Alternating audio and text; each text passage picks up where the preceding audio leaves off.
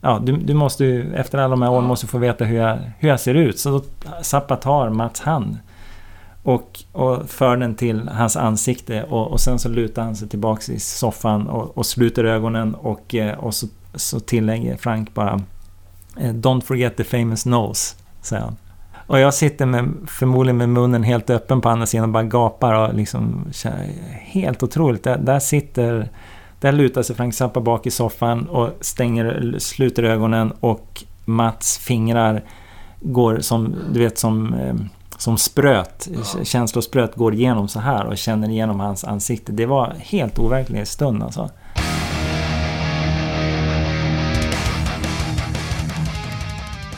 Det där var dagens gäst och huvudperson Morgan Ågren som pratade om sitt allra första möte med Frank Zappa. Den historien och många andra otroligt intressanta historier kommer vi få höra i detta rekordlånga avsnitt av Rockpodden. Morgan är ju en fascinerande musiker som inte bara har spelat med Frank Zappa, han har ju spelat med en rad andra kända artister och inte minst har han ju tillbringat imponerande 35 år tillsammans med Mats Öberg i deras Mats och Morgan band. Jag åker hem till Morgan och slår mig ner i hans kök för ett mycket trevligt samtal.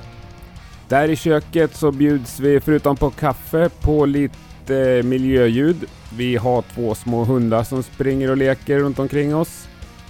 Det kommer också in en fru och lagar lite lunch där en stund. Men jag tycker att det ger en ganska gemytlig stämpel på det här avsnittet.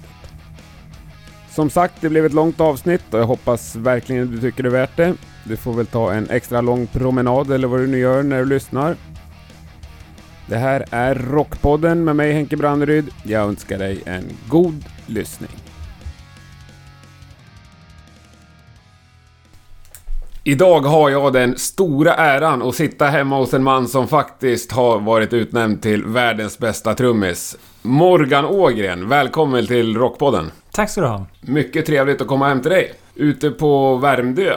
Precis. Hur mår du då?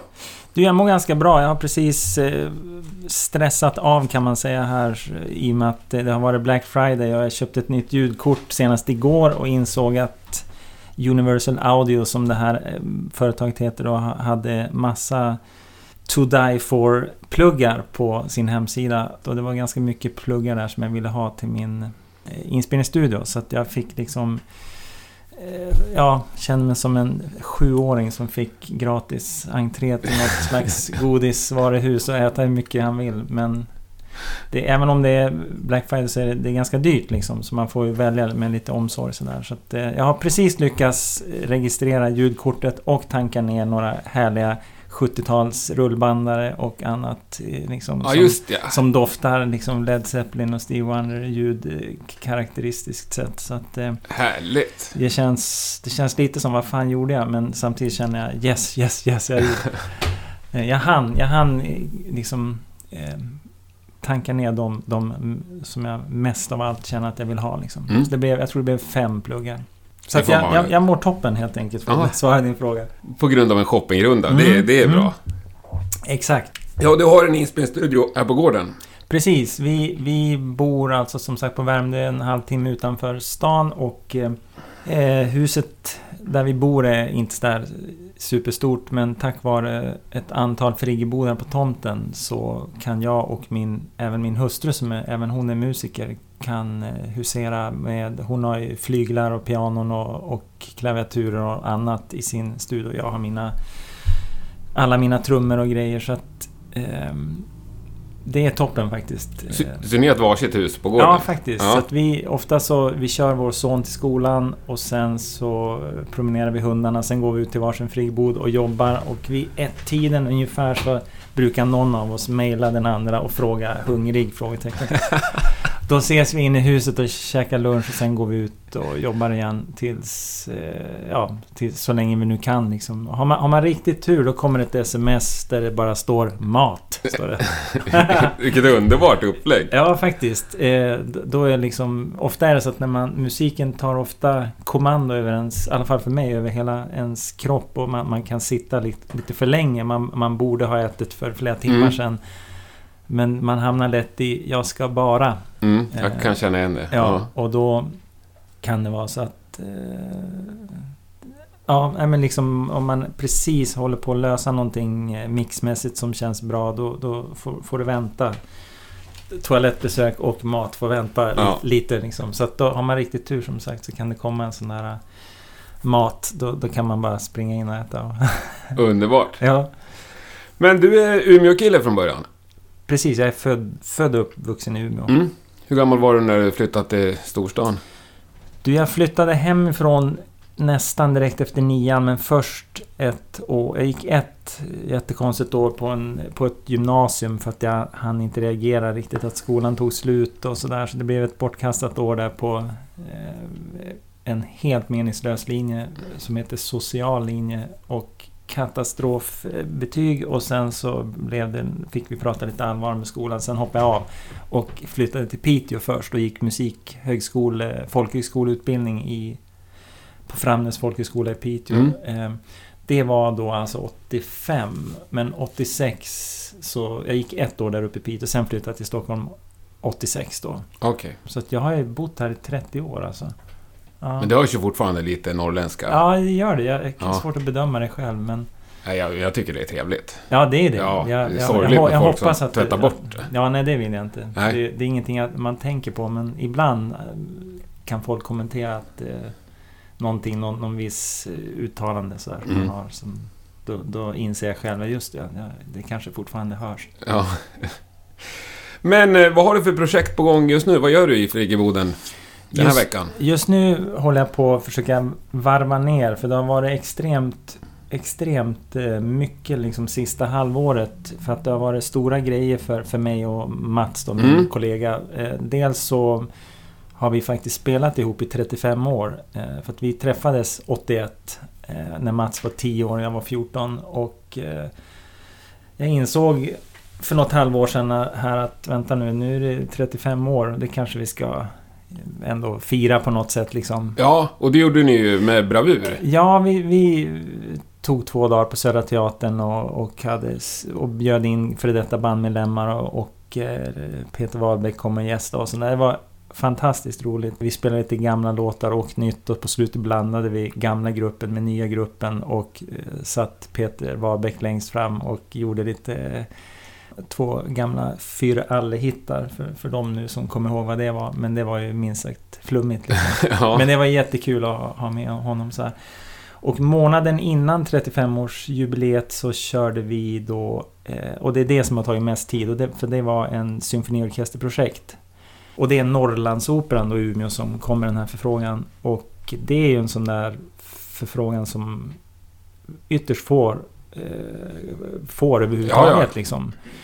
Eh, och får man det så är det nog otroligt att, eh, alltså nu hoppas jag att vi, kan, att vi kan göra det här igen, men att få en förfrågan att skriva musik, speciellt när vi, vi inte liksom ans, alltså vi kommer ju från en liten annan värld också. Mm. Men, men jag tror att det fördelen var ju att vi i det här läget att vi, att vi kommer från Umeå, så de känner till oss där. Vi har faktiskt en, ja, lojala fans där uppe och även i folk i beslutstagarpositioner kanske Ja. tycker att det vore kul att Mm. göra något. Liksom.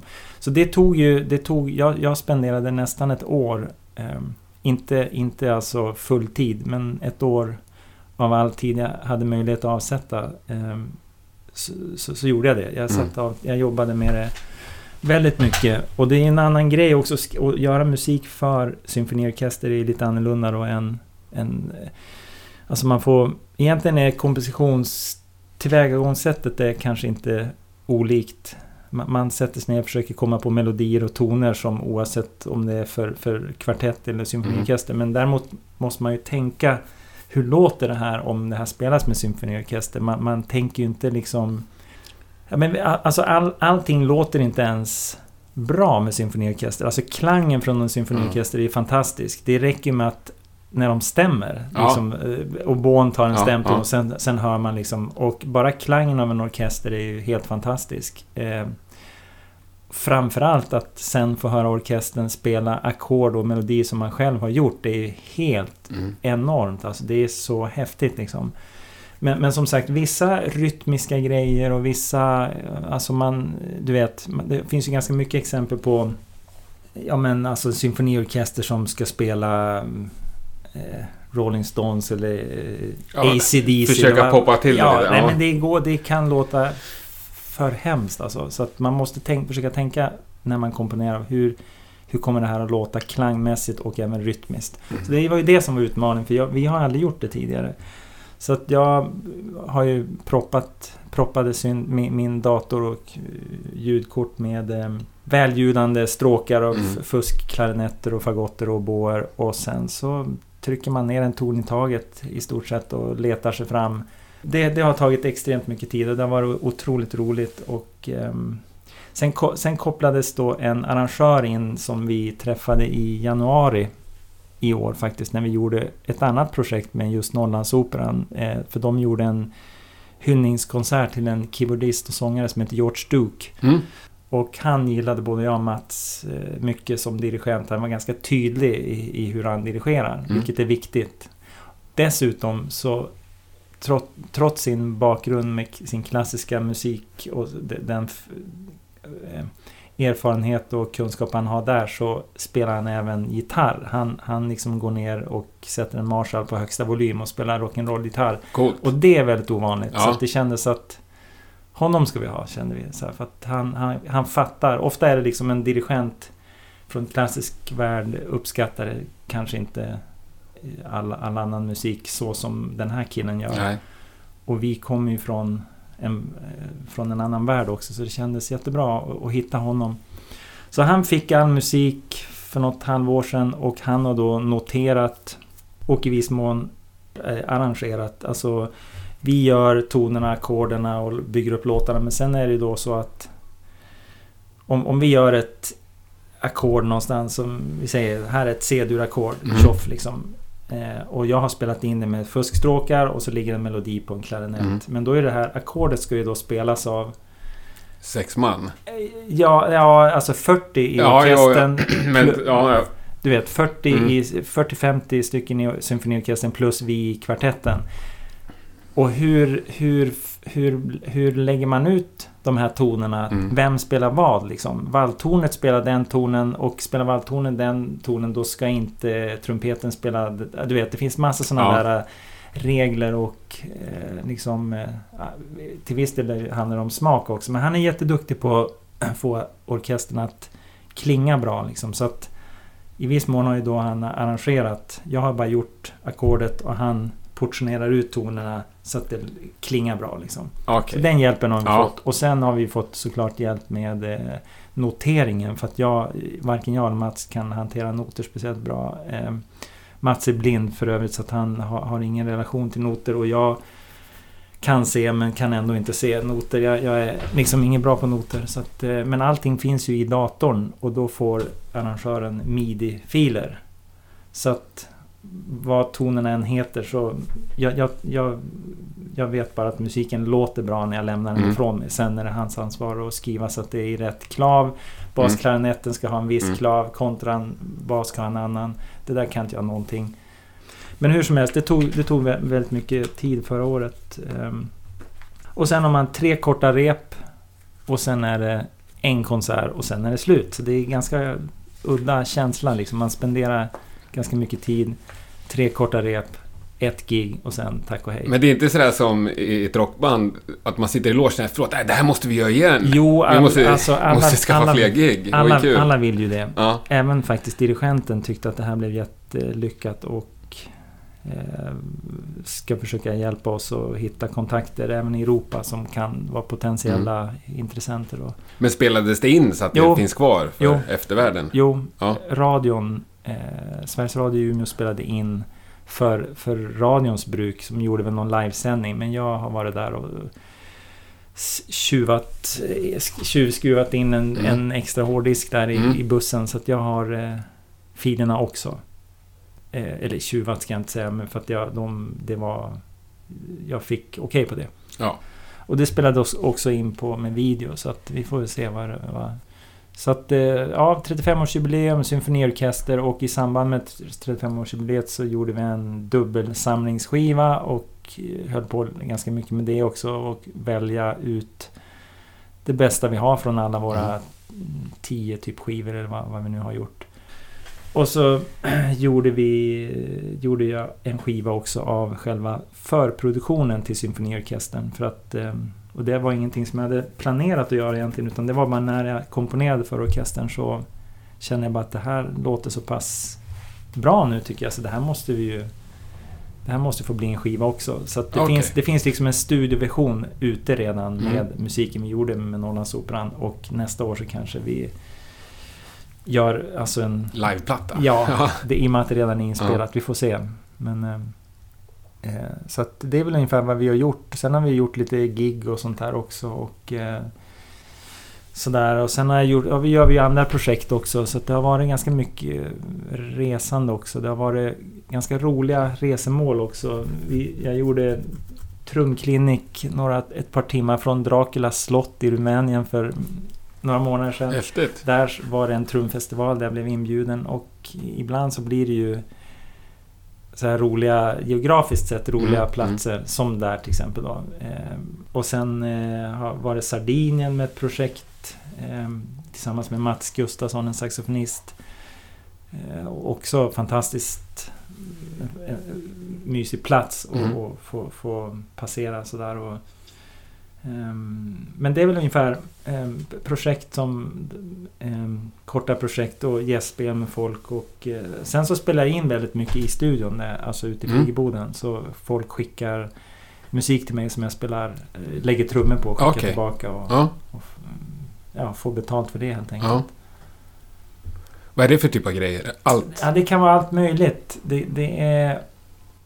Självfallet är det så att nio av tio som hör av sig till mig vill ju att jag ska spela så som de vet att jag spelar. Det är därför de hör av sig. Ja. Liksom. Och i vissa fall kanske, alltså, men det är väldigt sällsynt att någon hör av sig som bara vill, er, du vet, behöver ersätta en programmerad trummaskin med eh, riktiga trummor och vet mm. att jag gör sånt här. Utan det, det, är ofta som att de, de gör någon musik där de har känslan av att det där passar med, med så som jag spelar trummor. Då. Ja, det, det är någonting jag funderar mycket på inför den här. Ja. Är det aldrig folk som ber dig liksom vara komptrummis? Om du fattar vad jag menar? Jo, alltså jag har väl gjort eh, alltså... Eh, jo då, men, men fortfarande är det så att de... Jag antar att att de hör av sig för att de vet ungefär vad jag brukar göra och så har, tycker de att det... Ja, man vill ha den eh, ja, magin. Precis. Ja, och det fattar jag. Men jag tänker också att... Jag vet till exempel du spelar med det här Tower of Power... Just det. Tribute-bandet. Ja. Och det är ändå lite komp-trummis. Eh, Även om det är hyggligt avancerat så är det ju inte... Ja, nej men alltså det här att det är avancerat eller inte, det är ingenting som eh, är viktigt för mig. Eh, alltså, ja, det, det som är roligt är att spela bra musik liksom för ja. mig. Och eh, även om jag kan spela då liksom saker som anses vara svårspelade och sånt där så är det inte så att jag själv känner att jag bara vill spela krångliga grejer liksom. Utan det är faktiskt, skulle jag nog säga, snarare tvärtom. För man har spelat ganska mycket joxiga mm. prylar sådär. Så att, och det här äh, bandet som du nu nämner, det är bara ett, ett plojprojekt kan mm. man säga, som en polare till mig har. Vi, vi, han ringer ihop ett gäng en gång per år kanske. Och så spelar vi. Och, och det är jättekul. Och det är Tower Power. Det är ju alltså James Brown-liknande svängmusik. Ja, ja, jag älskar det. Jag och jag det... tycker att det är hur roligt som helst. Att, att, att få den här ultimata grooven liksom som... Som finns i den här musiken och leta den här perfekta hänget och mm. timingen och drivet. Det är ju så att det känns lika roligt som någonting annat. Ja. Alltså, faktiskt kanske, återigen, kanske ännu roligare liksom. För att man, man blir liksom... Ju äldre man blir och ju längre man har hållit på så, så blir man mindre och mindre brydd om, om liksom projekt, musikprojekt och musiker som har just, eh, om jag säger då inom citationstecken, bara teknisk förmåga. Liksom. Ja. För tar man, tar man en tripp på Youtube så är nästan allting, eller alltså väldigt mycket där är väldigt sensationsbaserat. Liksom. Mm. Kolla, sjuårig kinesisk tjej spelar Rush covers och eller liksom Det är hela tiden så här Ja. ålder och eh, alla är snabbare än den andra, alla är Ja. yngre än den andra, alla är hårdare än den andra. Du vet sådär. Och eh, det kan väl vara kul en liten stund att kolla på något sånt. eh, Men... Och, och jag tror att man tänkte mer så när man var 15 eller 10 eller du Mm. vet så här. Så var man mera fokuserad på sådana grejer. Men nu kan det vara... Nu är det nog mera liksom andra grejer. Att det, det är liksom... eh, Framförallt musik rent generellt sett. Man gillar bra låtar. Mm. Jag, alltså det finns ing, En av de jobbigaste grejerna som kan vara det är att höra musiker som spelar och väldigt tekniskt drivet men där musiken är helt katastrofal liksom. Mm. Det- det- Där det bara är framförande. Ja, precis. Ja, det är bara, det är bara med. Hantverket och, och liksom musiken är bara helt vidrig att höra Mm. på liksom. Själva låten är Ja, det finns ingen bisak. tanke på det överhuvudtaget liksom, utan man, man vill liksom bara visa att så här kan jag spela Mm. liksom. Och så skiter man i liksom. Mm. Och jag, jag känner liksom att ju, ju äldre man blir, ju mer man håller på så värderar man olika grejer liksom. Eh, Så att jag, jag känner liksom att jag hör hellre... Ja, alltså för att ta bara något typexempel. Om, om- liksom när, när Paul McCartney sjunger Blackbird, alltså Mm. Beatles-låten Blackbird. Då tycker jag det är helt magiskt. Eh, och jag tycker att det är så enormt snygg låt. Jag tycker ljudet är bra. eh, Alltså magiskt, Mm. magisk ljudbild. Så om man jämför med det, det med till exempel ändå en... eh, Ja, någon sån här eh, musiker som är snabbast i världen och sånt där. Jag, jag, känner, jag känner ingenting när jag hör den där snabb, snabba killen eller tjejen på Youtube i jämförelse med Paul McCartney när han sjunger Blackbird. Det, Mm. det är bara, bara ett, ett enkelt exempel. Ja, jag fattar. Så att man, man, man attraheras av olika grejer när man är 15 och när man är f- 45. Liksom. Mm. Ja, jag förstår. Men tolkar jag det rätt då? Det är lite få, för få som ringer till dig när de vill ha en svängig trummis? Och för många fusion... Ja, jag, alltså jag, jag kan nog tycka att man fortfarande är aningen väl förknippad med krånglig musik. Liksom. Eh, Det, det har, vi har lyckats tvätta bort det där lite grann. Alltså, även Mats. Alltså Mats har ju också spelat...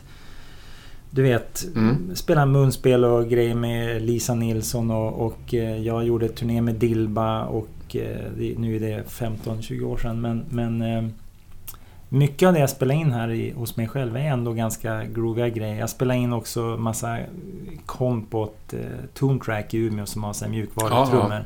Och där är det ju liksom ganska grooviga grejer liksom som Ja. man eh, levererar i midi-form då. Eller alltså spelat på, på pads på riktigt då. Men, men Men om vi säger just live och turné så här, Ja, du sa Dilba, men det var väldigt länge sedan. Får Ja. du frågor från liksom populär artist, nej, populär nej, musikartister? så, så är det väl inte. Men jag tror att alla har... Uffe Lundell ringer aldrig Ja, dig? nej. Men jag tror att det. Det, och förklaringen där kan väl vara många i och för sig. Men jag tror att... Jag är rätt säker på att... Eller min personliga åsikt är i alla fall att... eh, att alla har sina områden liksom. Du vet, eh, du, du nämnde den här tekniken. Vad heter han? Han Thomas Skogsberg? Ja. Han, alla har sin... Och jag tycker att det är coolt liksom att alla har sin eh, image. Eller image låter som att det är påhittat. Men alla, har, alla vet vad alla gör på något sätt. Så alla har sina områden. Mm. Och det är rätt coolt tycker jag. Så att det är coolt att, att man ringer Thomas Skogsberg när man vill åt en viss typ av grej. Och det Mm. är coolt att man ringer... Att man inte ringer mig när det gäller Ulf Lundell. Ju- Just i det här fallet, jag, han, han är ju schysst. Han är en stor poet och en, en intressant person. Jag har inga Ulf Lundell-skivor och skulle han ringa så... eh, Ja, varför inte kan, kan jag nå- någonstans känna Mm. liksom. För att det handlar också om att till skillnad när man är, alltså när man är 10-15 år och är lite kaxigare och inte behöver betala räkningar och Mm. Mm. använda musik som försörjning. Då är det ganska enkelt att spy på allting som inte är det som man tycker är bäst. Liksom. Ja. Men sen så ska man ju ändå försörja sig och även en familj. Liksom. Så att då handlar det ju om att man kan ju alltid välja att okej, jag vill bara spela exakt specifikt den här, den här sortens musik och ingenting annat. Och så jobbar man på Statoilmacken däremellan och drar in pengar. Det är en, det är en Mm. variant liksom. För all musik... sk- Skulle man jämföra att jobba på bensinmacken här nere än att jobba, eller åka ut och spela med Sven-Ingvars. Ja, då kanske det är jobbigare att spela med Sven-Ingvars. Det, det kanske inte är värt att spela till musik till varje pris liksom. Nej. Men sen finns det ju någon slags gråzon där också så att... Eh, jag vet inte, skulle man göra 100 gig med Ulf Lundell skulle man nog vara ganska less på slutet liksom. Eller du vet Thomas Mm. Ledin eller något sånt där. Det skulle nog vara ganska... Eh, ja, Thomas Ledin skulle lästa innan 100 tror jag. ja, ja, jag tror också det. Sådär men... Eh, Men det Men- finns ju mellanting. Det finns, Det finns gra- det finns grader i, Exakt. i Exakt, helvete, exakt, exakt. Nej, men för, fördelen med att då, vad ska man säga, att folk ser en, placerar en i fack och sånt där, det är ändå att man då får en del förfrågningar som de andra inte får då. Ja. Liksom. Och eh, så har det väl varit. Så att vi har ju, både jag och Mats tillsammans och var för sig har ju fått, fått massa roliga uppdrag tack vare att man Mm. har liksom en viss ehm, man har liksom utstrålat en viss Ja, men- inriktning Ja, det man gör. Liksom. nischade Ja, ganska precis. hårt. Och det är men det är, det är ju andra som nischar oss. Det är inte vi själva. Men återigen, man, man gör, om man gör 20 skivor som låter på ett speciellt sätt. Då, Ja. då vet ju folk att det där gör de. Liksom. Ja. Så att då, det är liksom, ja vi var i Tyskland här för två månader sedan och spelade också med en symfoniorkester. Och i det här särskilda fallet så var det ju då en, en em, orkester som spelar Frank Zappas musik. Så där var det ju Mm. specifikt då. De behövde Mm. hjälp med keyboardist och trummis som kan den här musiken. Och då blev vi kontaktade för det. Men, men det har ju hä- hänt andra grejer också. em, där folk vill åt ens typ av musik liksom, eller hur, Mm. hur man uttrycker sig liksom. Eh, och, och det är kul. Jag, för några år sedan så var jag med om en otrolig grej som också kändes som, en, som ett otroligt kvitto på, på att det man gör kan ändå påverka andra. För då, då kom det, det kom två killar hit från Chile. De flög hit ända från Chile bara för att ta trumlektioner i, under några dagar. Stort. Ja, det var fantastiskt. Jag, jag, jag kände liksom att jag frågade dem, men ni, ni har väl något annat ni ska göra här också, eller hur? Så jag, no, no, no, no. We come here to take drum lessons. Du vet. Och för mig att det, det, det här, utan att vara självupptagen liksom och, och att... Eh, det, jag tycker inte riktigt det handlar om bara att liksom enkel bekräftelse utan det handlar mer om att för mig att, att okej, betyder... de- har lyssnat på någonting som man har gjort och det har betytt så pass mycket så att de tycker att det är värt att flyga hit. Då är det ett bästa möjliga kvitto jag kan få på att Ja, det, ja, ja. det jag håller på med kan betyda någonting för någon annan. Och det är ju helt overkligt, det tycker jag. Det, det, det kändes enormt stort alltså. Och eh, för en 10-15 år sedan fick jag, bara som ett till exempel, så fick jag ett brev på posten. Handskrivet brev från en kille som heter Alex i Kanada. Och han skrev att jag har tankat ner din musik eh, olovligt, alltså pirat. Ja. Eh, och jag är ledsen för det men jag har verkligen tyckt eh, om den här musiken, att lyssna på den här musiken och eh, jag vill göra rätt för mig. Så att han, det låg liksom 60 eh, amerikanska dollar, typ en 500 du vet. Shit vad skönt. Ja, och, och sen frågade han ödmjukt så jag undrar om, om det här känns okej och om du kan tänka dig skicka mig MP3 på din nya skiva för den har inte jag hittat på nätet. så att eh, helt fantastiskt. Så Ja. att självfallet gjorde jag så att jag eh, gjorde ordning en zip-fil med senaste skivan och mejlade honom. Så Ja. att det, det finns, det finns ehm, folk som verkligen engagerar sig liksom. Ja, men det är klart. För mig är det klart. Du är ju liksom unik. Ja, det vet jag inte men, men eh, man, man kan göra liksom grejer som tack vare nätet och sånt där, kan, Ja. man kan nå ut till folk. Mm. Liksom. Men, sen, men din fråga var väl snarare då vilka typer av samtal man får och... och eh, ja men det är klart. Det, det, det, det blir ganska typ, speciella typer av grejer som folk hör av sig. Ja. Jag, jag, jag kanske förstår att Uffe inte ringer. Men metal? Ja men där har Så du ju då, med Sugar, du har ändå gjort grejer med Fredrik Tordendal och... Precis, och det gör att, att folk hör av sig med, med sådana förfrågningar. Eh, och ehm, jag tycker ju, alltså skivan som du eh, pratar om här är ju alltså So- Soul Niger Within som Mm. Fredrik Tornedal gjorde. Hans soloplatta som släpptes 97. På, Ja. på mitt skivbolag faktiskt som Ja. jag hade då. Eh, Den har ju nått ut till väldigt många. Jag vet att folk i, ja faktiskt, alltså Metallica och Rush och Mm. Slayer har den här skivan Mm. som någon slags underground-skatt liksom. Mm. Så, och det är fantastiskt. Eh, och, och, och i och med att många har hört den här skivan så hör folk av sig och, med, med liknande projekt. En, en del är ehm, då, ehm, ganska influerad av, av den här musiken. Liksom. Eh, jag tycker skivan är hur bra som helst. Eh, däremot så är inte jag alltså, någon renodlad hårdrockstrummis. Jag, eh, jag älskar till exempel alltså, du vet, band som AC/DC och sånt här har jag bara sett flera gånger live. Jag tycker det är hur, hur coolt som helst. Så att jag tycker det är kul att spela, spela in alla sorters olika musik. Liksom. Eh, Men en del när det blir lite väl så här... eh, Alltså, Fredriks skiva är så... Eh, det är så mycket, mycket musik i, i det. Det är inte bara liksom... eh, Ja, det, det, det är väldigt sofistikerat Mm. och groovigt och s- Mm. häftigt gjort liksom.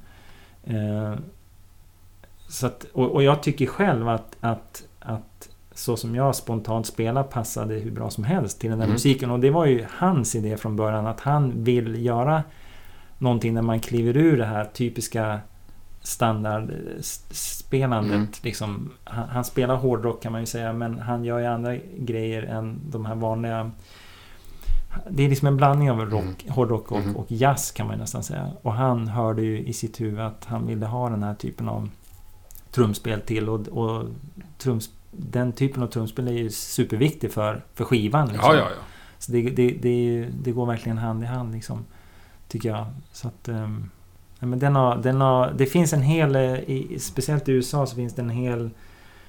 E, enligt andra så har den där skivan startat nästan en genre faktiskt. Alltså, för att jag vet att de här killarna i Animals as Leaders och lite annat folk. De hävdar liksom att den här skivan har... Eh, det, det, den här stilen...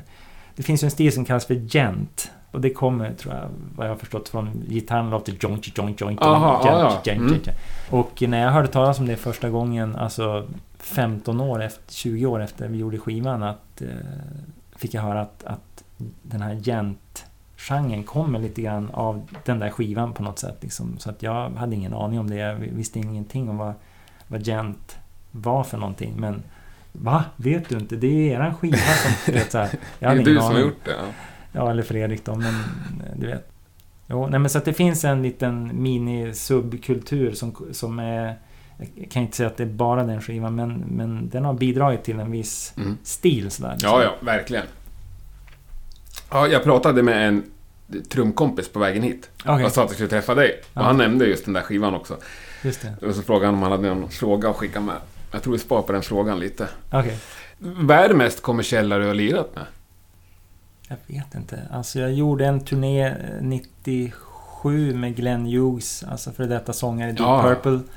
Och en grym basist. Ja, Som nu Faktiskt. tycker jag är bättre än någonsin. ja, han är skitbra. Ja. Han är, nu är det länge sedan jag såg han men... eh, Och det var väl liksom... Han är väl ansedd och man säger Glenn Hughes, Deep Purple, då ser man att ja, det är kommersiellt. ja. Sen spelar ju inte vi för direkt på arenor liksom. När vi, vi spelar ju på klubbar. Ja. Liksom. Men musiken i sig är väl, var väl kommersiellt gångbar kan man väl säga. Eh, och det var ju även Dilba när jag spelade med henne. Eh, eh, på något sätt, om, om man med kommersiellt menar att nå ut så kan man ju säga att egentligen säga att skivan jag har gjort med Fredrik Tordendahl är den mest hörda av de skivor Mm. jag har spelat in. Och på så sätt mest, kommersiell, även om Mm. den är helt okommersiell i sin stil. Liksom. ja, den är ju, upplevs ju ganska smal. Ja. Om man lyssnar på den. Ja. Ja. men såklart. Men den är ju... Den har ju nått ut till, till eh, otroligt många liksom. Men sen, eh, ja, det känns som att det är några jag spelar med som... Som skulle då kunna klassas som kommersiellt eller så här vanlig, vanlig musik liksom. Men jag kommer inte ihåg riktigt. Nej. Jag har gjort andra grejer också. Alltså jag har jobbat som ljudtekniker också med min kära hustru då, Tina Alin. Och hon har gjort massa tv-program där jag har varit liksom anställd av SVT som ljudtekniker. Jaha. Så att jag har alltså, om man nu ska prata om vanliga, vanligt jobb i, i en Svensson-värld så kan jag säga att jag har suttit med hörlurar gömd bakom ett skynke och spelat in eh, Lill-Babs. Eh, alltså suttit med en da bärbar dator, hörlurar eh, runt husknuten hemma hos henne i Delsbo och spelat in, haft Lill-Babs i lurarna helt enkelt och trackat henne på min dator. Härligt! När, när Tina gjorde något så här eh, hemma hos liknande program och bland annat besökte Lill-Babs. Eh, det var jättekul. Jag satt där och försökte spela in allt så gott det gick med några mikrofoner i Mm. hennes trädgård. Något dragspel och någon fiol och eh, liksom, du vet. Så det... På ämnet kommersiella, vanliga, för, för vanligt svenssonfolk, normala grejer så är ju det Mm. en sån grej som... Ja. Liksom, då trummar jag som sagt inte men, men blev ansvarig för upptagning och Mm. mix som sen sändes i TV då. Men när vi är inne på TV, då tar vi min trumkompis fråga här. Han drog upp den här utbildningsradion Trumskolan som du hade för ganska länge sedan. Ja, Han hade egentligen två frågor om den. Så här, ljög han dem full liksom? Sa han till dem att han skulle ha en så här, nybörjartrumkurs? Och sen frågan nummer två var, ville han att folk skulle liksom lära sig lira av det där? För han sa att minst hälften av alla som ser det, de vill ju bara sälja trummorna liksom. Ja. Faktum är att alltså, jag, jag kan enkelt svara på båda de här frågorna. Alltså dels är ju min filosofi kring un, undervisning, om man säger då med situationstecken, Mm. är ju att för mig handlar det om att få folk att bli inspirerad. Liksom. Jimi Hendrix spelade på Grönan någon gång slutet av 60 eller vad var det? Eh, Ja, något sånt. om, man gick, om man var gitarrist eller bara musiker i största allmänhet och gick på den konserten så är det ju så att förmodligen blir man helt chockad och överkörd av en ångvält typ av att se Jimi Hendrix på scenen. Mm. Man blir, åker förmodligen hem sen och känner sig otroligt peppad och inspirerad och vill göra något liknande. Utan att han har förklarat någonting vad han gjorde. Han sa inte nu ska vi spela en låt som heter här och nu kommer jag börja på fjärde band, andra strängen. Du vet, det är ju bara en Jag energi. Känslan, en energi och en Ja. kraft som kommer över en. Det förklaras ingenting utan det bara sköljer över Mm. en liksom. Så har jag också lärt mig själv att spela. Jag har sett eh, konserter och framförallt lyssnat på skivor. Det är ingen som har sagt till mig hur man gör. Jag hörde, alltså när jag hörde, jag var tio år när jag hörde Buddy Rich spela Mm.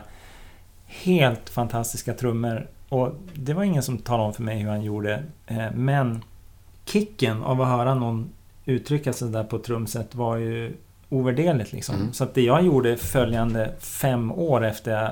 Jag kom så väl ihåg, jag var tio år, det var nyårsafton, konsert med Frank Sinatra på TV. Och plötsligt så säger han eh, eh, Let me introduce you to my old buddy, eh, my old friend Buddy Rich, du vet. Och så kommer han in och spelar och eh, ja, ja, det var en sån ch- chockerande upplevelse, alltså på ett häftigt sätt. Mm. Så det där ringde kvar i mitt huvud i flera år efteråt. Så att jag satt och försökte härma honom och jag lärde mig ju spela egentligen. Mm. Utav att Utav den här kicken och, och sen att vilja eller att försöka härma liksom. Så att jag, jag sa det till UR att, för att jag, jag blev ganska skeptisk när de ringde för att jag hade sett en del andra program de gjorde och när, de- när du vet man virkar, man Ja, täljer, täljer lite trä, lite osexigt sådär. Ja, Ja. och, och lite som även några sådana här gospelkörer och sånt där. Så jag kände, fasiken, ska de paketera mig på det här sättet så kände jag mig lite osäker ändå. Eh, Men då sa de att nej, men du, får, du får göra vad du vill. Liksom.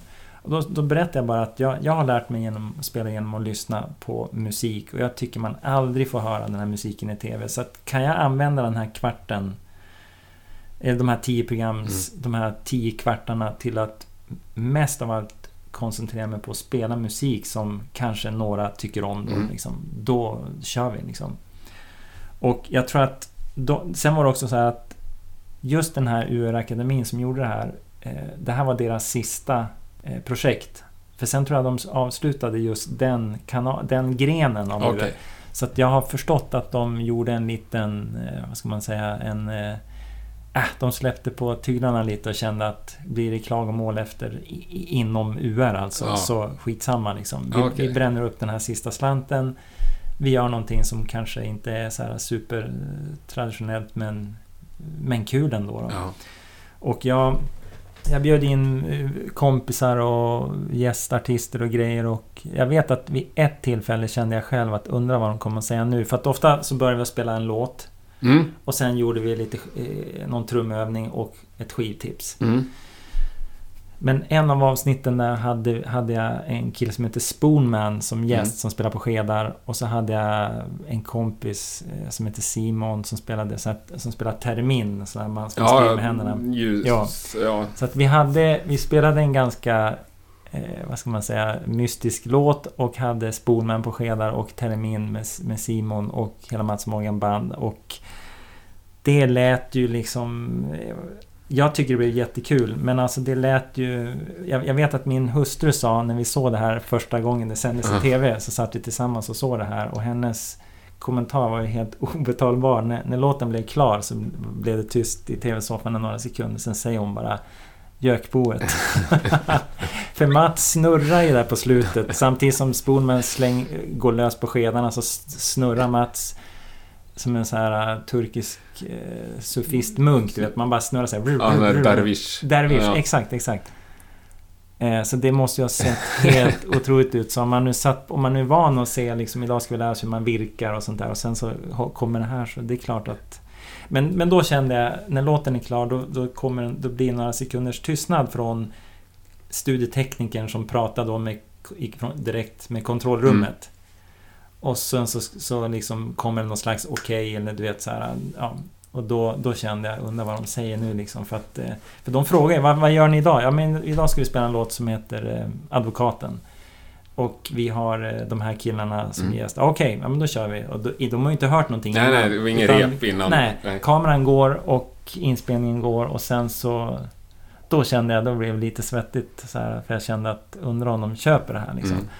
Så vi avslutar låten och Spoonman har sitt lilla eh, sista utbrott där innan han kastar ner skedarna i en duns på golvet liksom. Och sen går det några sekunder och sen hör jag via en sån här eh, liten monitor och så Okej! Så hade jag Och så var det bara tumme upp och jag kände fan vad skönt. Nu, nu, liksom, nu släppte de igenom det där också.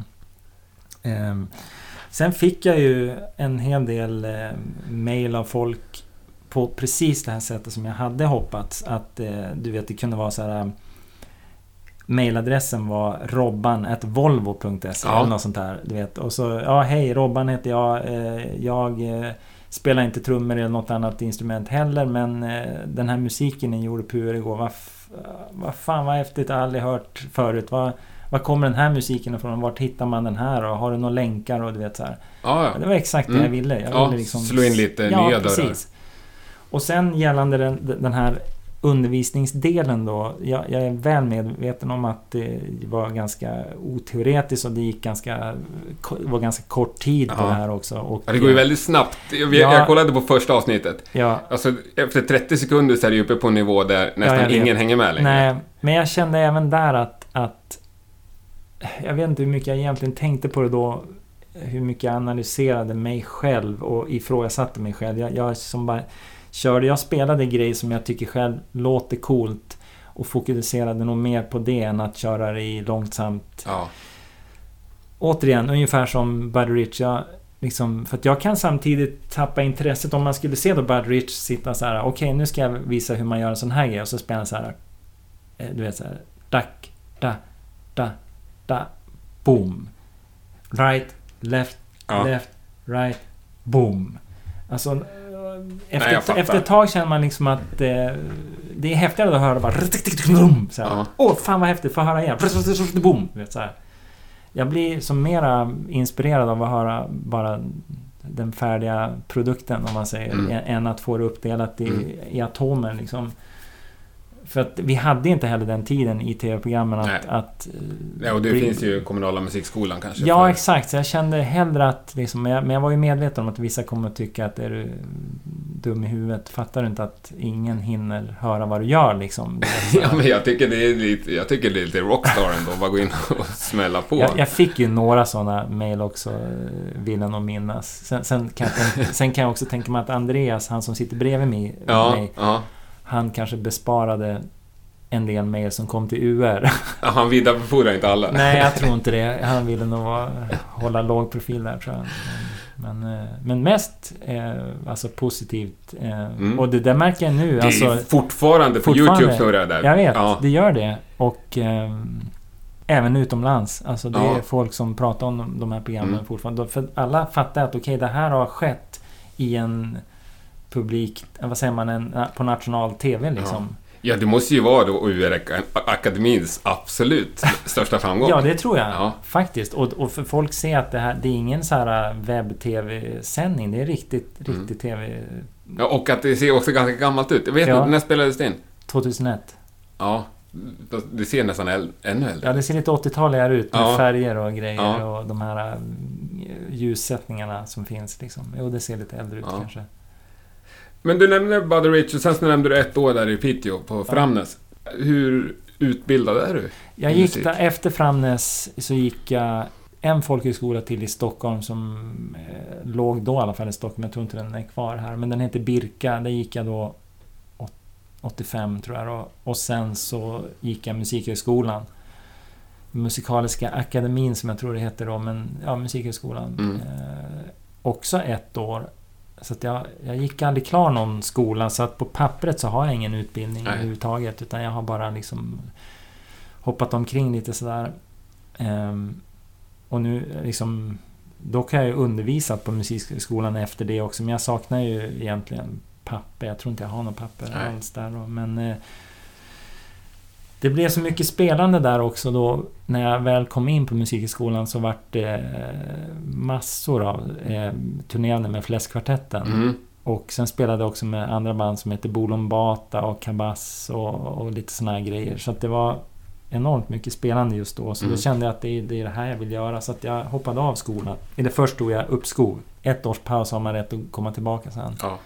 Men, eh, och sen hände det här med Frank Zappa och andra grejer. Så det, det, det blev aldrig aktuellt att komma tillbaka. Men jag är jätteglad att jag, att jag att jag kom in och att jag gick där och träffade folk. Det är mycket den grejen också, att man kommer in i en miljö, träffar likasinnande och knyter kontakter och du vet, så här, Mm. utvecklas på det sättet. ja, det här med Frank Zappa hände. Hur gammal var du? 20 bast? Ja, När du blev inbjuden att spela med han på Ja. Johanneshov, va? ja just det. Ja. Hur, hur, hur kom det sig? Hur hade han fått tag i er? Han, eh, alltså vi, jag och Mats hade ett, ett band i Umeå som spelade uteslutande hans musik. Som vi gjorde det som en kul grej liksom. Vi Mm. startade ett band som bara spelade Zappas musik som heter Substitute med Z och du vet. eh, Det var, det var liksom väldigt tydligt. Eh, och det var jag och Mats och några musiklärare i Umeå lite polare. Vi var ju sju, åtta stycken tror jag. Ehm, så vi, vi, det var otroligt lärorikt och alla, vi älskade ju den där musiken dessutom. Så att, eh, men sen när han kom till Stockholm sista gången, 88, så med hjälp av Mats morbror, som var Bernt Egelblad och pianist. Jaha. Ja, det är Mats morbror, eller var Mats morbror. Och eh, han kände folk i, i branschen, så han lyckades få tag i Ja, typ så här Ema Telstar som jag tror arrangerade den här konserten och lyckades få reda på vem som var turnéledare till Frank Zappa. Och när, när han fick tag på honom så ringde han väl honom och berättade om mig och Mats då att eh, det finns två killar här som vill träffa dig och, och de har ett band som bara spelar Zappas musik och eh, keyboardisten är blind sen födseln och har lyssnat på eh, Frank Zappa sedan han var sju år gammal. All den här informationen nådde Frank då via Mm. turnéledaren, via Bernt och turnéledaren. Så att det, Frank svarade bara att eh, de, I wanna meet them. Så, så, det, så, så gick det till. Liksom. Det var ju ett in, initiativ från oss men Zappa triggade på det och så, sa att han ville träffa oss.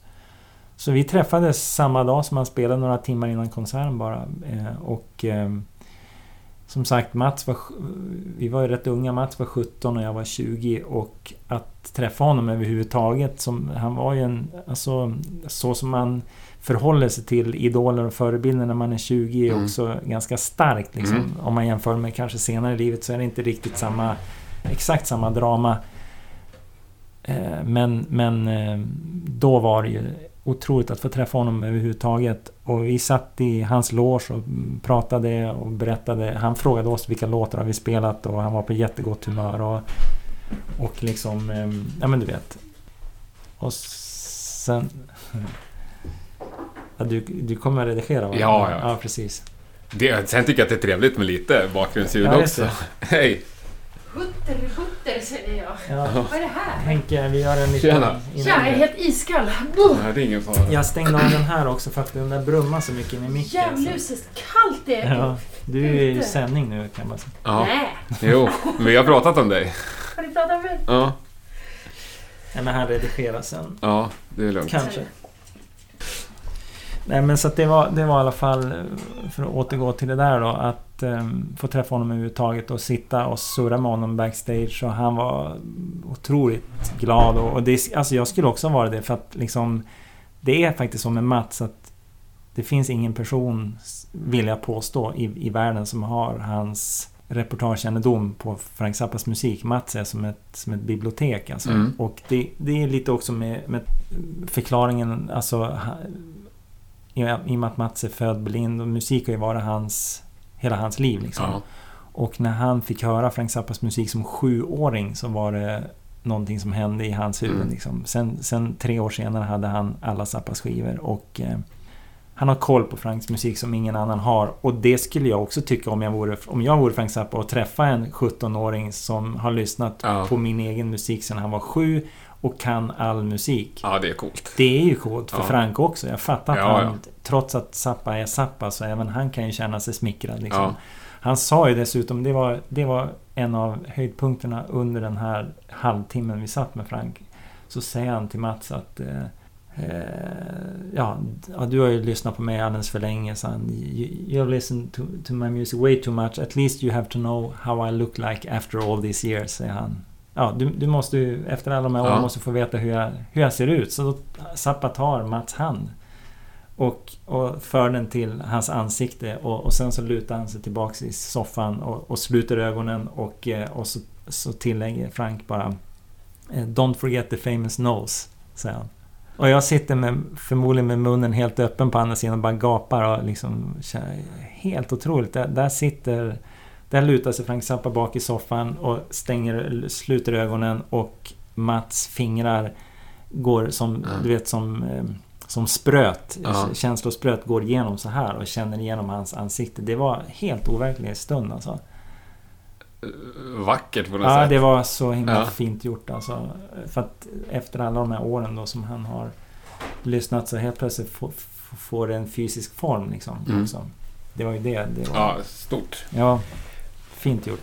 Men ni var där för att morsa på honom? Ja, precis. Jag hade en, en, ett kassettband som jag hade förberett till honom med, Mm. med vår egen musik. Och så här är, här, vår, här är våra grejer liksom. En av dina låtar med, sa jag till honom. Eh, Jaha, vilken då? sa han. Och så när jag berättade vilken det var, då blev han för, lite förvånad i och med att det var en låt som inte fanns utgiven på skiva, utan Mhm. bara på bootleg. Och då började han så här, maybe we should do something, sa han. Och så började han skissa på låtlistan och sen bara, utan att ha hört oss överhuvudtaget, så, så, så, så sa han bara att eh, kan inte ni komma upp och spela den här låten i, i mitten av konserten? Och när han frågade det så var ju publiken var redan på plats. Alltså jag, man hörde redan bullret där utanför och eh, jag hade inga trumpinnar, Mats hade inte hunnit testa något keyboard eller någonting. Vilket kanske hade varit lite skönt i och med att om, om en och en halv timme cirkus så ska vi upp och spela för 10 000 pers. Ja, En låt som vi inte... med Zappa. Ja, som vi inte har hunnit repa ens överhuvudtaget. Vi har spelat låten en gång och det var på den här på kassetten som man fick den inspelningen. Men ni bangade, det var inget snack Nej, om alltså att- vi hade väl inte vett nog. Alltså man, bang, man säger inte nej, du vet, man säger kanske inte så. Samtidigt så kan man ju tycka att man säger heller inte ja. Hur, hur ska man palla liksom? Man måste ju veta vad man gör såklart. Känner man, känner man att man vet Alltså vi, jag, jag är inte orolig för att gå upp och spela med Mats för vi har gjort det i miljarder år liksom. Så att det... Där är jag lugn liksom. Mm. Däremot just den här låten han bad mig spela, den, den kändes otroligt diffust. Alltså hur... Så att när vi... Alltså... När vi gick ut sen och satte oss i publiken och bara lyssnade som vanlig publik så fick jag ju skrika Mats öron hundra gånger så här, "Va- Mats, hur är det? Alltså mitt under konserten. Mm. Så här, hur är del två? Är det? Da, da, da, da, da, da, da. Nej, nej, det är da, da, da, da. Jaha, just det. Du vet. Och sen fem minuter senare. Hur var det sa du? Är det da, da, da, da, da? Nej, det är da, da, da, da, da, du vet. Och jag- hade ändå närvaro att sätta i publiken. Det, sk- Ja, men kon, alltså konsertupplevelsemässigt för mig och Mats så var ju konserten för, förstörd. Alltså vi kunde inte bara sitta och slappna av. Vi ska ju, Nej, snart ska vi upp jag. liksom. Ja. Så att det, men det var det ju värt såklart. För att, eh, nej men vi, sen gick vi upp och eh, egentligen kan man säga att vi har aldrig spelat bättre. Det, det var, alltså jag såg Frank Zappa stå 4-5 meter framför trummorna med ett stort leende. med, och, med, och han bara stod och diggade liksom. Och det gav ju mig som kunde se honom eh, Mm. eh, övernaturliga krafter kan man säga. Mm. Att, att jag, du vet, man, man, sin största idol står där och bara ler fullt ut och bara sprider Fan vad coolt, du vet. Och det, du Shit, vet, vilken man- känsla, ja, vilken det, grej. Ja, men det var ju det. Ja. Så att man, man spelar ju helt, helt över sin förmåga. Mm. Så det var ju tajmat. Vi hade... Jag kan inte säga att vi hade spelat bättre än innan Nej. då liksom. Häftigt. Det, det var liksom... Och sen... Sen, eh, sen gick vi tillbaka och satt oss. Då kunde man ju spänna av lite och se Mm. färdigt konserten. Sen har ju han... eh, Sen en annan grej på slutet som var lite kul. Det var att... Under liksom... Alla år som han har turnerat, nästan alltid så slutar konserten med, oavsett vilken låt han avslutar konserten med, så, så, liksom, så ligger det liksom ett ackord så här och mullrar. Så här, där han presenterar killarna i bandet. Mm. Du vet, Ray White, Ike Willis, Steve Vai, Turbosio, thanks for coming to the show, Mm. hope you liked it, good night och så... Så, så slutar all, Mm. alltid liksom.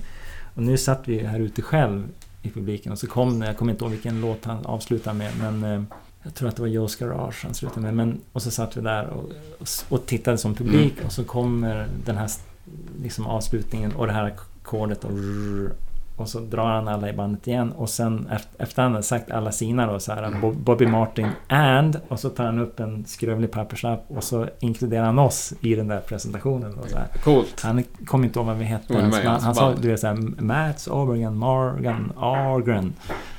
Eh, thanks for coming for the tour show, hope you like it. Så, här. Så helt, alltså, och då satt vi i publiken och, och fick höra oss vara med i bandet om man Ja, säger så. shit vad coolt. Men var det Terry Bossy på trummor? Nej, det var Chad Weckerman. Ja. Men det vart ingen gnäll där? Du fick låna hans trumpinnar? nej, det vart faktiskt gnäll för att det var mycket eh, bråk faktiskt i bandet. Det, det Mm. var jättemycket tjorv faktiskt. Så att just... ehm, det, det, vi var inte riktigt helt... det Men du fick låna ett par stockar i alla fall? Ja, jag fick Ja. en. Det var en roddare kom där liksom. Men efter vi hade spelat så var det... Det var ganska easy stämning sådär faktiskt. Ja. Och det, det, jag tror att det berodde på att det var, det var bara dålig stämning i bandet. Så det var lite så här att... Vad fan ska de här snorungarna få komma upp och spela om, Ja. inte, om inte vi får? Det var Och så lite- glider ni upp och bara... och, ja, smashar ja, också. Ja, nej men det blev lite så liksom. Så att, eh, jag tror att det, det blev lite... vis- Vissa av dem var lite missunnsamma kan man säga. Ja. Sen har jag ju träffat dem efter det då liksom. Men just där och då var det lite skum känsla Mm. från, från vissa. Mm. Eh, men tumme upp från många andra i bandet också liksom. Eh, men som sagt, har, har träffat de som var lite mer frostiga har jag träffat kort därefter och även spelat med. Och det, så det, det där är inget, inget liksom... Nej. Sådär. Men det blev en sväng till med Zappa sen, lite senare i livet. Ja, det här var 88 och sen eh, skildes vi åt genom att han, han, han sa ju till oss, vi träffades i logen Mm. efter konserten också, han sa ju liksom att I need a new drummer and a keyboard player, säger han. Och så stirrade han på oss, spände ögonen oss. Uppenbarligen Sådär. pratade han ju till oss liksom. Ja. Och sen så drog han i sin limousin och sen blev det bara tyst. Så vi satt ju egentligen hemma och väntade på att det skulle ringa. Vilket han inte gjorde. Jag försökte skriva brev och det kom inte fram och du vet så här. Och sen så... Eh, 90 tror jag det var. Två år senare kände jag att nej nu... Ja men lugn. Ni fick alltså, han sa jag behöver en ny trummis. Ja, Och sen så och sen så hände gav- inget på två år. Nej, Nej. så det blev lite otåligt hemma. Liksom. då- dålig anställningsform. Ja, precis. Nej, men så att jag kände att det här pallar inte att... Säg hellre då att det blir inget. Liksom. Ja. Så, så att vi vet. Så jag åkte över på vinst och förlust. Jag ringde han. Han hade ju en sån här postorder, eh, Barkin Pumpkin heter det. Som Mhm. postorder man kan beställa t-shirts och grejer. Så jag ringde dit en, en dag. Något drygt år efter och bara ville fråga sig, vet ni om mina brev kommer fram eller sådär Mm. liksom. Och de sa bara Eller först och främst visste han direkt, han som svarade telefon visste direkt vem jag var. Vilket gjorde mig hoppfull. Liksom så här, "Va, hur, kan, hur kan du veta det? Nej men vi har hört om giget i Stockholm, säger han då, som jobbade där. Liksom. Och då fick jag ju lite förhopp, hopp, Ja. hopp igen liksom. Eh, Nej men du kan inte skriva brev, det funkar inte. Han, han kan, de, de kommer inte fram till honom. Du måste komma hit om du liksom, då får du ta dig hit. Du kan slagga på min soffa, han. Så här, och då bokade jag biljett direkt Ja. och flög över på vinst och förlust liksom. Men bara du eller? Bara jag. Ja. Precis, en liten research Mm. eh, sådär. Och eh, den här killen då som jobbade på Barkin Pumpkin som heter Järfi Alka, han bor i en pytteliten så här 20 kvadratmeters stuga på, eh, du vet, där, där, eh, där han hade lagt nyckeln under dörrmattan. Så jag kom dit och eh, gick in i hans hus där och där låg en, han var inte hemma men han hade gjort en telefonlista då till några av hans Zappas musiker. Mm. Ring han eller han eller han eller han. Och berätta för dem att du är här och be dem meddela Frank att... Ja, Mm. så att han vet liksom. Så jag, jag fick ta på Mike Keneally, dåvarande gitarrist, ganska direkt och han ringde till Frank. Så det tog bara två dagar så, så liksom blev jag ditbjuden hem till Frank då. Så Mike hämtade upp mig och eh, vi åkte dit och sen så stod jag bara där plötsligt hemma. Vi kom ju dit på kvällen. eh, I, det här var ju Beverly Hills, liksom, du vet. Mm. Kväll och palmer och Mm. allt så här. Och så, så här traditionell videokamera som zoomar in och stängseldörr som öppnar sig. Så här, och sen upp för en trappa. Och sen var det en jättestor så här, typ ekdörr som bara öppnades där. Och så där stod han bara plötsligt. Hello again. Ja, precis. Hello again. Nej, det var... Men det var ingen så här, förlåt att jag aldrig hörde av mig. Nej, nej, Nej. nej. Man tyckte inte att det var konstigt att du dök upp heller? Jag tror han hade... Jag tror han är ganska van med att det blir så. Att folk som verkligen vill, de... Ja, det visar ju på ett jävla driv. Ja, precis. Han kanske vill eh, ta det den vägen att de som verkligen vill får visa det också kanske. Ja. Jag vet inte. Men... Nej, men sen, sen gick vi in i hans studio och han var återigen på otroligt gott humör. Och vi satt och lyssnade på musik och pratade och höll på liksom. Och, och, och precis när, skulle, när vi skulle därifrån så frågade han var, vart, vart bor du liksom? Och just den här kvällen då så kunde jag inte bo hemma i den här 20 kvadraten för den här killen som bjöd dit mig, han hade någon, någon dejt. Så jag blev förpassad Okej, till ja. något så här äh, vandrarhem. Ja. Vilket jag sa till han då, att jag bor på vandrarhem. Så här. Och då sa han, "Nej, men det behöver du inte göra. Så då lyfte han bara luren och så ringde han någon sån här... Ja, ska man kalla det? Husa typ. Någon Ja, sån här... äh, Maid liksom. Ja, Ja. precis. Eh, Fixa ordning i gästrummet. Eh, Vi har, eh, vi har gäst liksom. Och så, så, var, så var det fixat liksom. Så blev jag kvar där i fyra dagar liksom. Men då såg jag aldrig honom för att han höll på att jobba i studion i källaren och, och det var otroligt udda, udda för mig att vara där. Jag är hemma, Ja, jag är hemma hos Frank Zappa. Hela hans familj var i Australien, så det var bara han hemma. Och han sitter och jobbar nere i studion och jag liksom vankar omkring i köket och vardagsrummet där uppe och vet inte vad jag ska ta vägen. Jag fanns, kunde inte ens äta mat liksom. För att det Men var, kunde du sätta på en kopp kaffe liksom? Ja, han, han, var liksom... Han sa att du får gärna bo här. Jag, kan inte, jag kommer inte kunna underhålla dig men inga problem. Häng, häng här om du behöver liksom. Jag men, han tänkte kanske inte på att... Att liksom, du vet... Bara säga så här, men känn dig hemma, ta, ta för dig mer. Ja. Så att jag pallade inte gå och rota i hans... Nej, det fattar jag. Ja, nej, så att jag... Jag tog mig väl ut liksom ner till... För det finns ingen, inga affärer där liksom. Man Nej. måste åka taxi en kvart för att komma ner till... Liksom, där det finns... Ja. Så jag gjorde väl det. Åkte väl och åt mat typ eller någonting och sen åkte jag tillbaka. Och, och, men, men sen kom det de här stunderna då och då under tiden. Helt plötsligt hörde jag hur det lät i trappen där nere. Så kom han upp. Då, då skulle han fylla på nytt kaffe och ta en cigarett. Mm. Och då fick vi en kvart tillsammans där vi satt och pratade, vilket var ju värt hela väntan. Liksom. Ja. Och, och det, var, det var coolt. Och då pratade vi såklart musik och, och sånt. Och eh, sen när det hade gått 20 minuter så sa han att eh, okej, I got to work now. Och så försvann han ner i källaren. Men du fick aldrig hänga med till källaren? Ja, nej, inte direkt sådär. Jag, jag tänkte att om han nu... Det, det bo, men han var mitt uppe i någonting. Han kanske var, ville att du skulle komma ner? Ja, jag tänkte, tränga att- in. Jag tänkte, jag, Samma- tänkte, jag tänkte själv att det, borde vara helt i hans... Eh, liksom i hans natur och Mm. bara göra något då liksom. Ja. Men jag tror han var mitt i slutförandet av en, ett projekt han gjorde så att han var precis i slutfas. Eh, så att han var nog helt upptagen med det liksom. Men det mynnade ut i att det blev några spelningar? Ja, se- sen han, hade nog projekt eh, som, var, som låg eh, planerat i Japan och det blev inte av. Men sen 91 blev det ett projekt där han involverade oss och även 93. Okej. Så att han, han, han organi- producerade och organiserade ihop två projekt. Eh, 91 i New York och 93 också i New York. Mm. Och det var ju med alla hans... Alltså 91 var det med, med eh, rockband och symfoniorkester. Så det var med Steve Vai och Mm. alla de här liksom. Och 93 var det mera fokus på hans orkestermusik. Okej. Fast med eh, rockkvartett kan man säga. Mm. Alltså elbas, elgitarr, Mm. trummor, keyboard och orkester. Liksom. Mm.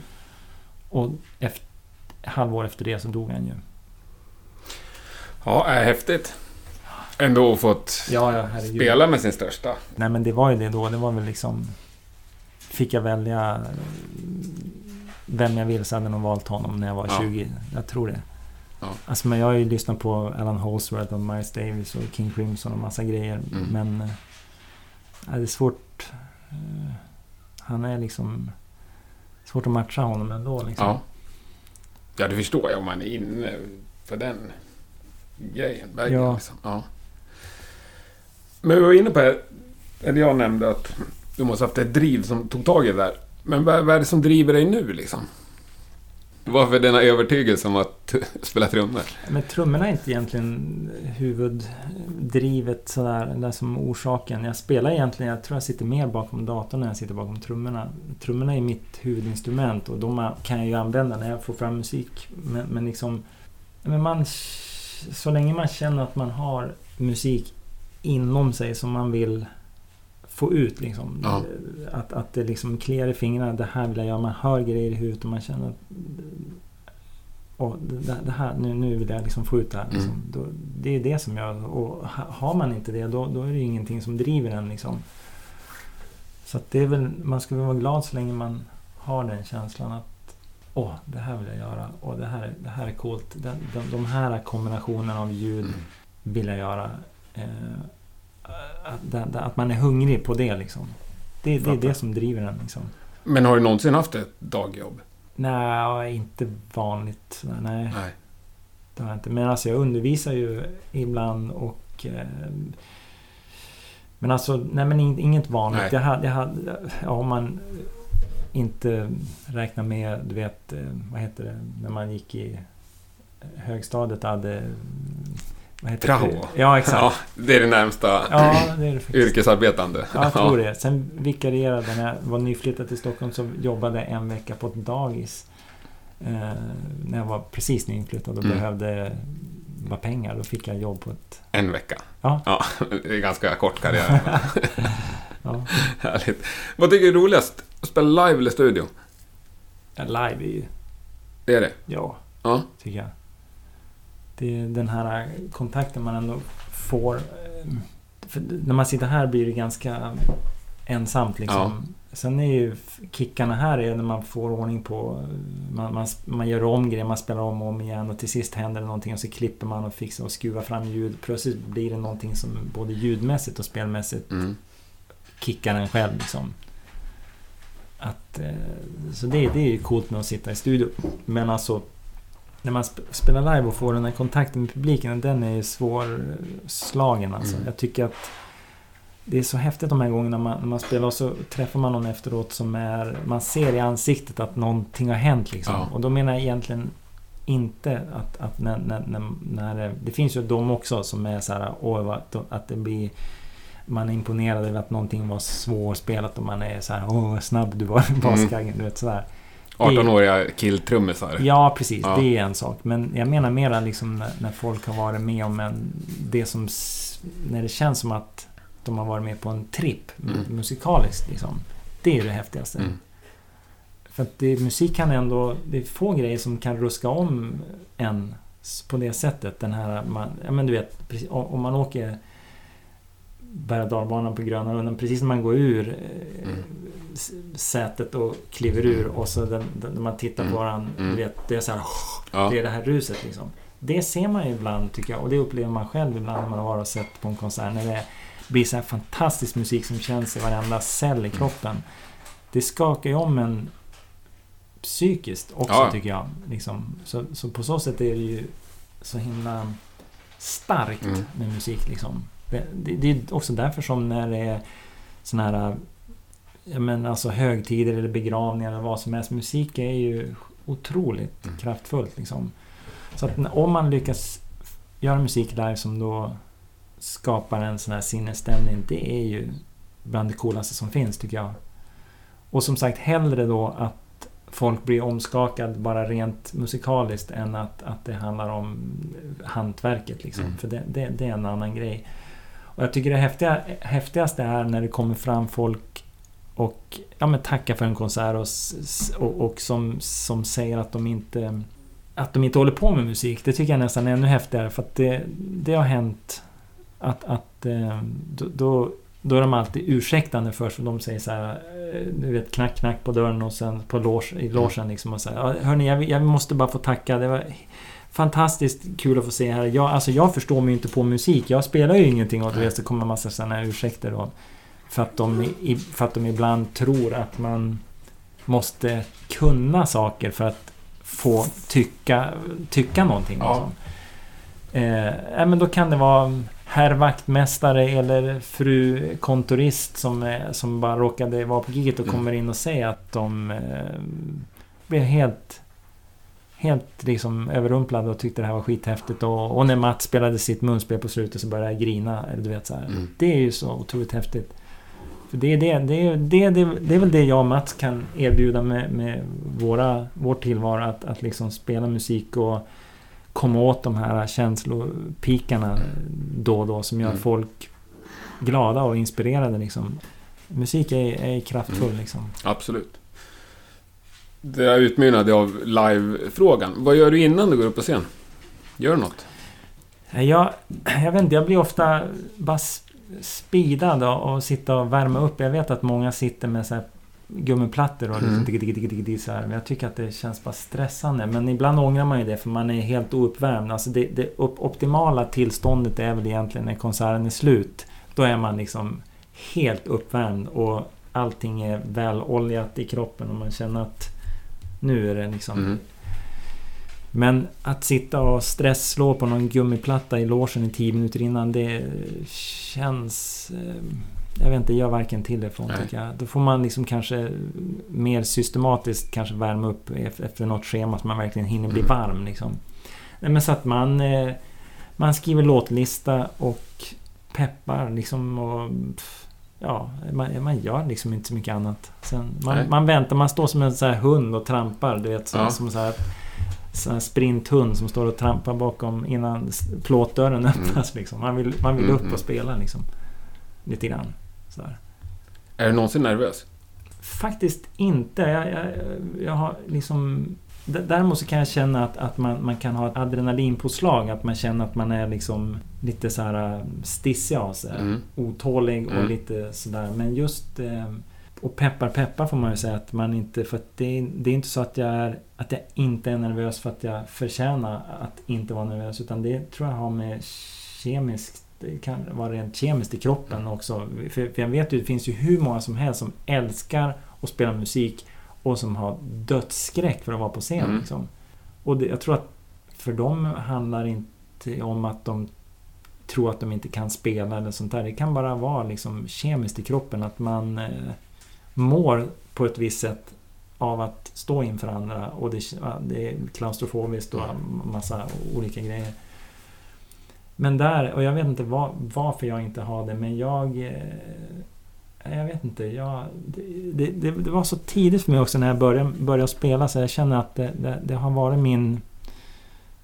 Min, mitt kall liksom. Men det finns några exempel på andra som har hållit på lika länge och börjat lika tidigt och det är lika samma scenskräck för dem. Ja, det finns ju folk som aldrig blir av med det där. Och de, alltså du vet, man vet... Eh, även skådisar och sånt där som är topp. Alltså Mm. skådisar som bara går in och kräks innan. Mm. Liksom, det har man ju hört. Mm.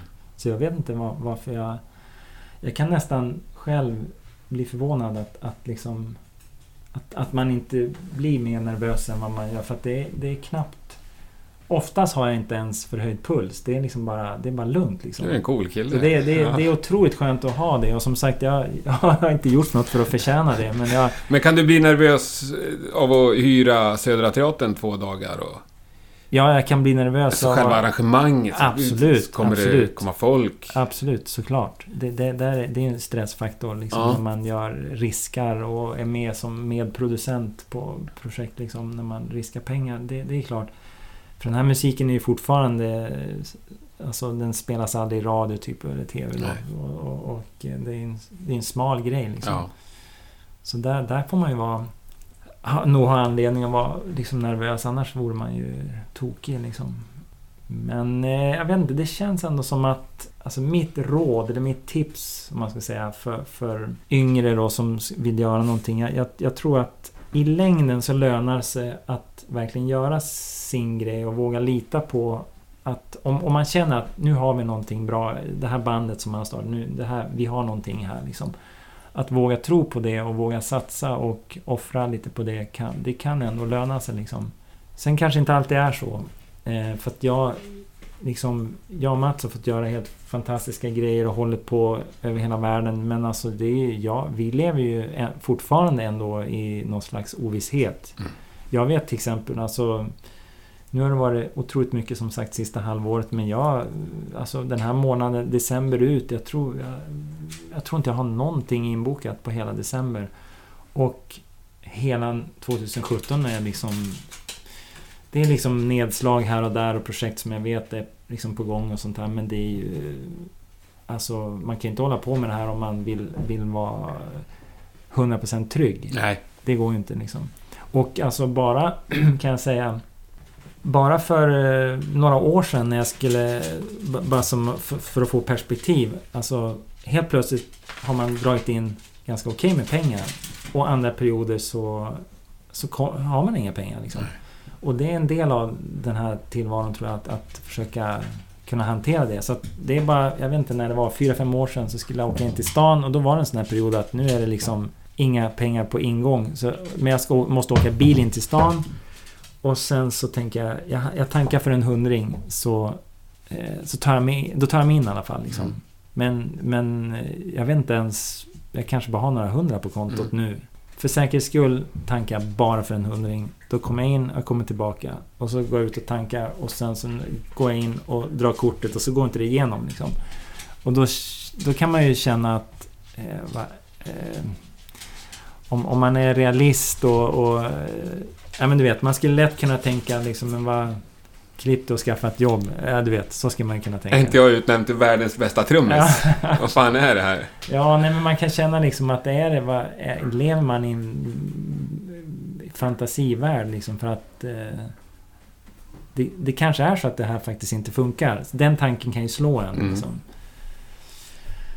Och det är ganska deppigt då att inse liksom att... Eh, för, för det är också skillnad om man är 17 och inte har 100 kronor på sitt konto. Men när man är 45 och har Familj och... och hus och lån på Mm. huset. Då kan man till och med tycka att det är oansvarigt. Liksom. Men sen då, kanske två veckor senare, så hade jag mycket mer pengar än 100 kronor på kontot. Så det, ja du vet. Men, Mm. men som sagt, jag har, un, jag har undervisat, jag har försökt eh, blanda upp de här lite smalare grejerna med saker som, som man får in pengar på.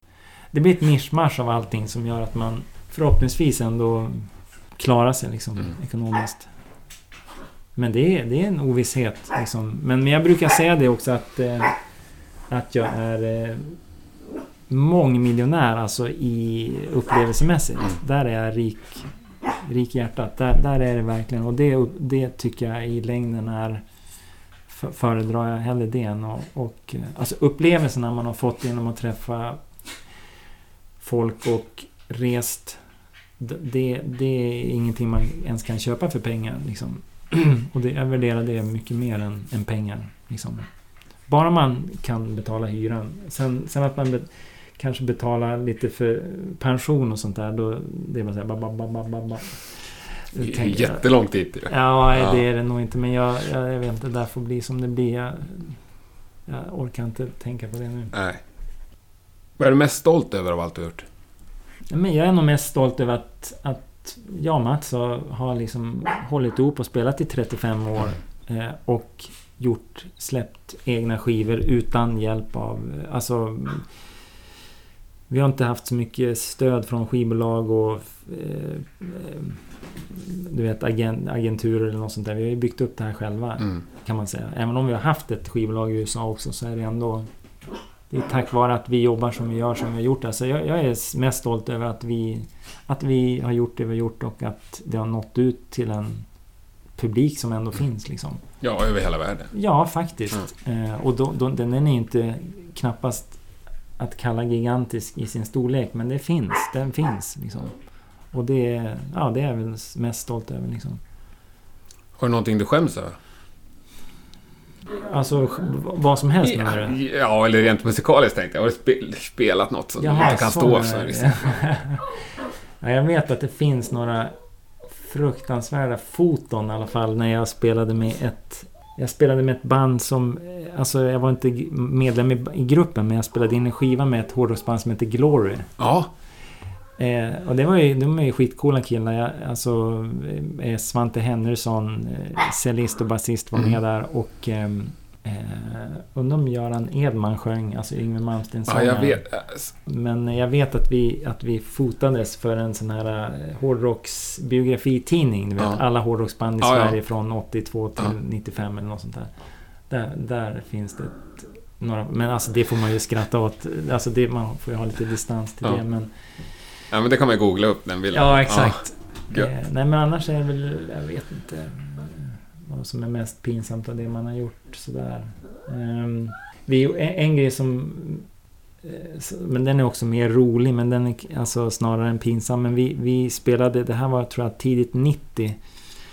Innan det fanns internet i alla fall. Och eh, vi gjorde en spe, skulle göra en spelning i Skellefteå. Och eh, arrangören hade inte marknadsfört det här överhuvudtaget. Det blev väl någon missförstånd eller sådär. För det, var, det satt inte uppe någonting någonstans.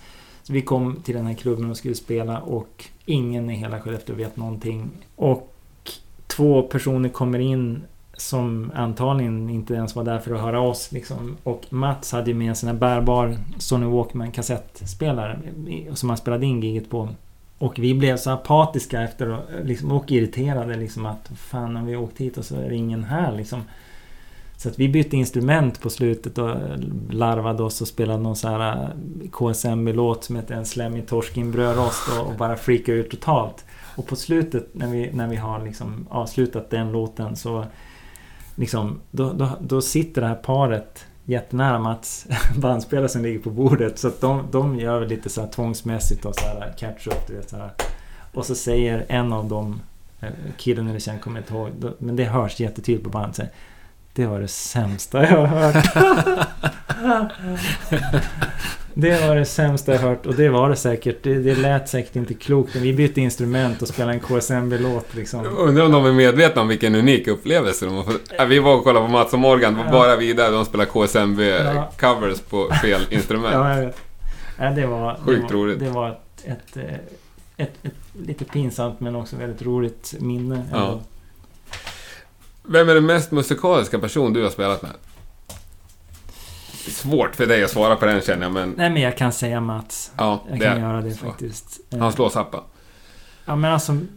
eh, Vad det gäller bara ren skär musikalitet så är han eh, otrolig. Liksom. Han Mm. är det. Han, han är det. Sen kan man vara... Man kan ha olika förmågor och olika liksom egenskaper sådär i, i olika musikstilar också sådär men eh, han är, han är sjukt musikalisk liksom. Och har varit det så, så, jämt. Ja. Eh, han- han är liksom född med det. det. Det är ganska naturligt för mig att säga honom. Sista frågan. Ja, du har ju spelat med många, men har du någon drömartist kvar? Har du någon kvar att bocka av? Ja, Men en, en person som är en sån här tonårsidol som som fortfarande pirrar till i kroppen. Ja. Det, det är gitarristen Alan Holsworth. För att han är... Alltså när jag var 14-15 där kring så, så, så var det mycket band man hittade då. Alltså Förutom Zappa så var det King Crimson och Return Forever och Mahavishnu och alla de här. Men sen när jag lyssnade, när jag hittade min första Alan Holsworth-platta så var det en absolut helt fantastisk Mm. upplevelse. Hans musik är så egen i sig och hans, som han spelar gitarr och komponerar är, är ja, helt i sin egen värld på något sätt. Mm. Och för, bara för tre år sedan så var det faktiskt så, jag tror att det är tre år sedan nu, så kom vi i kontakt med eh, hans eh, ag, agent, bokare. Mm. Och vi började skissa på ett samarbetsprojekt faktiskt. Så vi hade prellbokat fyra konserter i Stockholm. Mats Morgan Band med... Eh, Mats Morgan Band med eh, featuring Alan Holsworth. Mm. Så vi skulle köra Umeå, Stockholm, Göteborg, Malmö. Det var tanken. Och eh, problemet är att han har varit ganska illa där han har liksom haft lite diverse problem som gjort att det har inte funkat liksom. Och han, nu spelar han väldigt lite jämfört med förr i tiden liksom. Men det kändes som att det hade varit kul att göra liksom sådär. Eh, och det, det kan jag nog tycka fortfarande. Jag, jag är inte i hans musik så som jag var när jag var 18. Jag, jag lever inte den musiken nu som, som då. Men ändå skulle skulle det ringa i telefonen och helt plötsligt så är det Allan själv eller hans eh, bokare Leonardo som ringer. Då, då, då ska jag tycka att det fortfarande var coolt. liksom. Ja, då kanske det är inte för sent än. Om det ändå var på väg för några år sedan. Ja, jag vet inte. Det känns som att han håller på att liksom avveckla Ja. på något sätt. Men, eh, men sen tycker jag liksom, jag skulle ju bli helt alltså både starstruck, chockad och överlycklig om eh, en sån person som Tom Waits hörde av sig. Mm. Jag tycker han är helt fantastisk. Och det skulle vara sån utmaning och så häftigt att få göra något sånt. Jag såg honom på Cirkus 97 och det är bland det bästa jag sett. Och det har ingen, inga paralleller med det jag och Mats gör överhuvudtaget. Men det är, det är bara asbra kort och gott det han gör liksom. Eh, jag gillar Björk, jag gillar eh, Radiohead. Eh, det, det finns liksom massa sådana där som skulle vara hur coolt som helst. Alltså Tom York som sjunger där Mm. i Radiohead. Ja. Gör ju soloprojekt. Ja. Där känner jag, har jag känt ofta liksom att åh det här är exakt liksom, du vet. Det här vore kul att... Dra iväg ett mejl. Ja, jag- ja, jag har faktiskt försökt hitta honom och bara göra något tafatt försök och bara säga hej och, och skicka honom lite, du vet. Ja. För ibland kan det vara det man, man presenterar istället för att man bara skriver ett textmeddelande så har man en, någon inspelning som, som man själv tycker att det här borde han gilla. Mm. Så vem vet, han kanske är less att sitta själv. Han kanske inte har eh, folk som inspirerar honom 24-7. Han kanske helt plötsligt så är det perfekt timing och, och, och, och så tänder han på det och tänker att fan det här var coolt. ja, det tycker jag du ska ta tag i. Ja, man, jag, har ju, jag har ju nya prylar nu installerade i studion så nu ska jag starta om lite nya projekt här. Och, Ja. Så det, ja, men det är nog så man ska göra. Man ska nog också inte vara alltför... eh, Alltså man måste drömma stort också. Mm. Jag menar varför, varför skulle Björk eller varför skulle eh, han, han eller hon... Du kan ju aldrig få mer än ett nej. Nej, precis. Samtidigt, varför inte liksom? Eh, Jag vet att, jag tror Björk har gjort sådär. Hon har ju plockat upp folk sådär som, du vet... Och, och, och, eller hur många som helst. Både, både Zappa och David Bowie och sånt där. De har ju verkligen plockat folk efter att ha sett på en, en liten klubb med Mm. 50 i publiken. Mm. Så helt plötsligt så... Så sker det bara liksom den här... äh, Guden står i publiken och känner bara att nej men den där, honom ska jag ha. Du vet. Mm. Så man, man får hålla sig framme och vara liksom... Göra sig synlig. Coolt. Önskar dig stort lycka till med allt du företar dig i framtiden. Tack som tusan! Mycket trevligt att få komma hit och träffa ja, dig. tack detsamma. detsamma. Tusen tack. Ja, där rundar vi av avsnitt 17 av Rockpodden. Mycket, mycket stort tack för att du har lyssnat. Nästa vecka är vi tillbaka på torsdag som vanligt med ett mycket, mycket spännande avsnitt. Hoppas verkligen att du lyssnar då igen. Om du inte har hört alla de gamla avsnitten så finns det ju flera intressanta där. kika in på iTunes eller Acast eller vilken app du nu använder för att lyssna, så hittar du rubbet. Rockpodden finns också både på Facebook och Instagram och Twitter. Vi tycker att det är extremt trevligt att få lite feedback ifrån er som lyssnar, så lämna gärna det där. Som sagt, hoppas vi hörs igen nästa torsdag. Fram tills dess så önskar jag dig en riktigt, riktigt bra vecka. Ha det så gott, tack och hej!